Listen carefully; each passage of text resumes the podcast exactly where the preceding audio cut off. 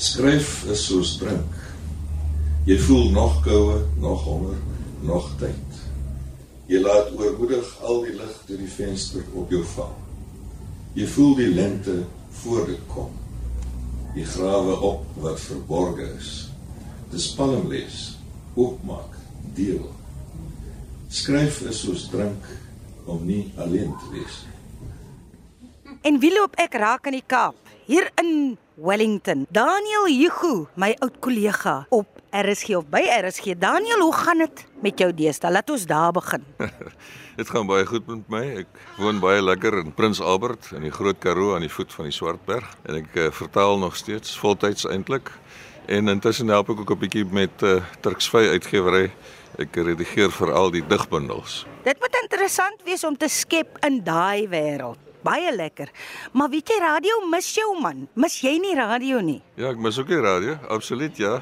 Ek uh, gaan nou al hoe minder Kaapstad toe vir opnames vir die vers en klank program wat ek baie geniet natuurlik. Terwyl ek 'n omroeper was, het ek nooit gedigte op die lug gelees nie. Eers daarna het ek dit gewaag.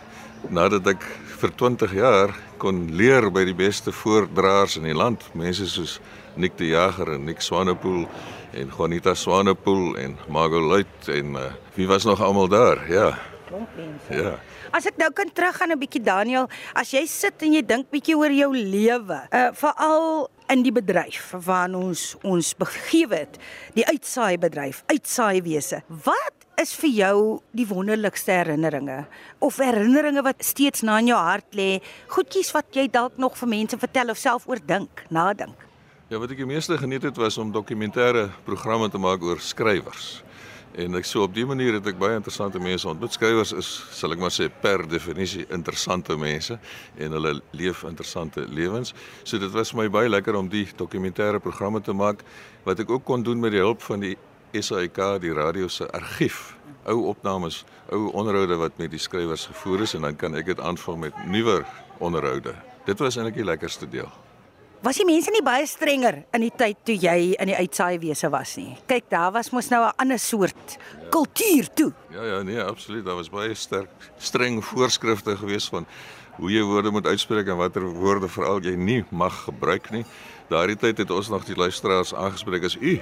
U luister nou na dit en dat. Ja. So en toe dit oorslaan in my tyd van u na jy het dit my nogal gehinder want ek was nou gewoond aan die ou wie. Was dit 'n droom Daniel toe jy as jong man jou verstand gekry het om jou in hierdie wêreld te begewe, kuns, ehm um, kuns en kultuur, radio, skryf? Ehm um, nee, kyk uh, ek het begin gedigte skryf op skool op standaard 8. Ons het 'n goeie Afrikaanse onderwyser gehad. Meestal begin dit maar daar. En die grootste inspirasie daai tyd vir my was 'n voorgeskrewe gedig, Uitskriege se tramode, wat vir my 'n wonderlike gedig was. Maar ek was nie van plan om 'n skrywer te word of enigiets anders nie. Ek wou predikant word. ja. Ek het dit nooit geweet nie.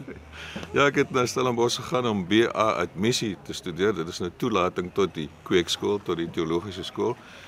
Destyds moes jy nog eers 3 jaar BA graad doen met die Bybelse tale, met Grieks en Hebreëus. En uh, dit het ek gedoen. Maar toe roep die weermag my op en ek het nooit teruggegaan nie. Digkuns.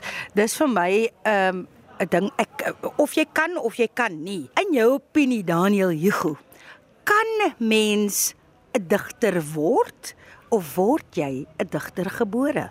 Nee, ek dink jy word ingebore. Jy kan nie jy kan nie iemand 'n kunstenaar van enige aard maak as hy nie gebore is met die vermoë nie, met die talent nie. Mm. Dit is dat die talent kan natuurlik ontwikkel word en daar's baie baie talentvolle mense wat nie so ver gekom het om suksesvolle kunstenaars of skrywers te wees nie net omdat die talent nooit ontwikkel is nie. Maar dis ook 'n kwessie van persoonlikheid. Jy moet 'n dik vel hê in die wêreld van die kunste want jy's van die eerste oomblik af onderhewig aan kritiek. Jy moet kritiek kan verwerk anders gaan jy nie oorleef nie. Hoe leef jy nou op 'n plek, 'n pragtige dorp met soveel karakter soos Prins Albert? Hoe lyk die lewe vir jou nou? My lewe is hoofsaaklik beperk tot die studeerkamer waar ek sit en vertaal. Ons woon in die huis van Eben Venter. Ons het die huis by hom gekoop en ek sit in sy studeerkamer elke dag op sy stoel agter sy lesenaar. My boeke staan op sy rak en dan staan 'n bed wat ook syne is waar ek meestal werk. Ek bedoel fantasties. Hy word presies sê as die digter op die bed lê dan is hy eintlik besig om te werk. Absoluut, ek stem met jou saam. Ek wonder Sou jy ooit, soos ek vir jou vroeër gevra het, sou jy ooit oorweeg om weer terug te trek stad toe? Nee, as ek dit kan verhoed, sal ek nie. Ek het lank genoeg in die stad gewoon in Kaapstad. En uh, dit is 'n wonderlike stad natuurlik, maar as jy mens eers gewoond geraak het aan 'n dorp sonder verkeersligte, aan 'n dorp sonder parkeermeters, aan 'n dorp byna sonder verkeer, dan gaan jy moeilik terug. Wat het die die besluit om soontoe te verhuis vir jou versterk half? Ja, dit was eintlik 'n impulsiewe besluit geweest om Karoo toe te trek. Ehm um, ja, dit is was impulsief, maar dit was 'n goeie impuls. Ja. Wat bly nog oor vir jou Daniel Hugo as skrywer, as kunstenaar, as woordsmid? Waar lê daai drome nog vir jou? Ja, mense is nooit tevrede met 'n uh, eh, die gedig wat jy geskryf het of die bundel wat jy klaar gemaak het nie, jy wil altyd beter. Jy dink jy kan beter. Miskien kan 'n mens ook. en die van die beste skrywe word gedoen deur mense na hulle 60ste jaar.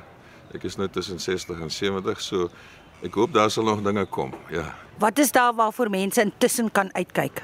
Nuwe werke van jou. Daar is 'n uh, ek is besig met 'n vertaling van Anne Marie van die Kerk se memoirs. Sy het dit in Nederlands geskryf. Ek vertaal dit nou terug in haar moedertaal. Dit sal volgende jaar verskyn. Dit is 'n baie baie interessante boek. Dit gaan eintlik oor die hele apartheidsgeskiedenis wat sy self beleef het soos die meeste van ons. En uh, dan is daar nog 'n huldigingsboek van die Akademie vir Ina Rousseau wat ook volgende jaar sal verskyn. Ek is die samesteller van daardie bundel.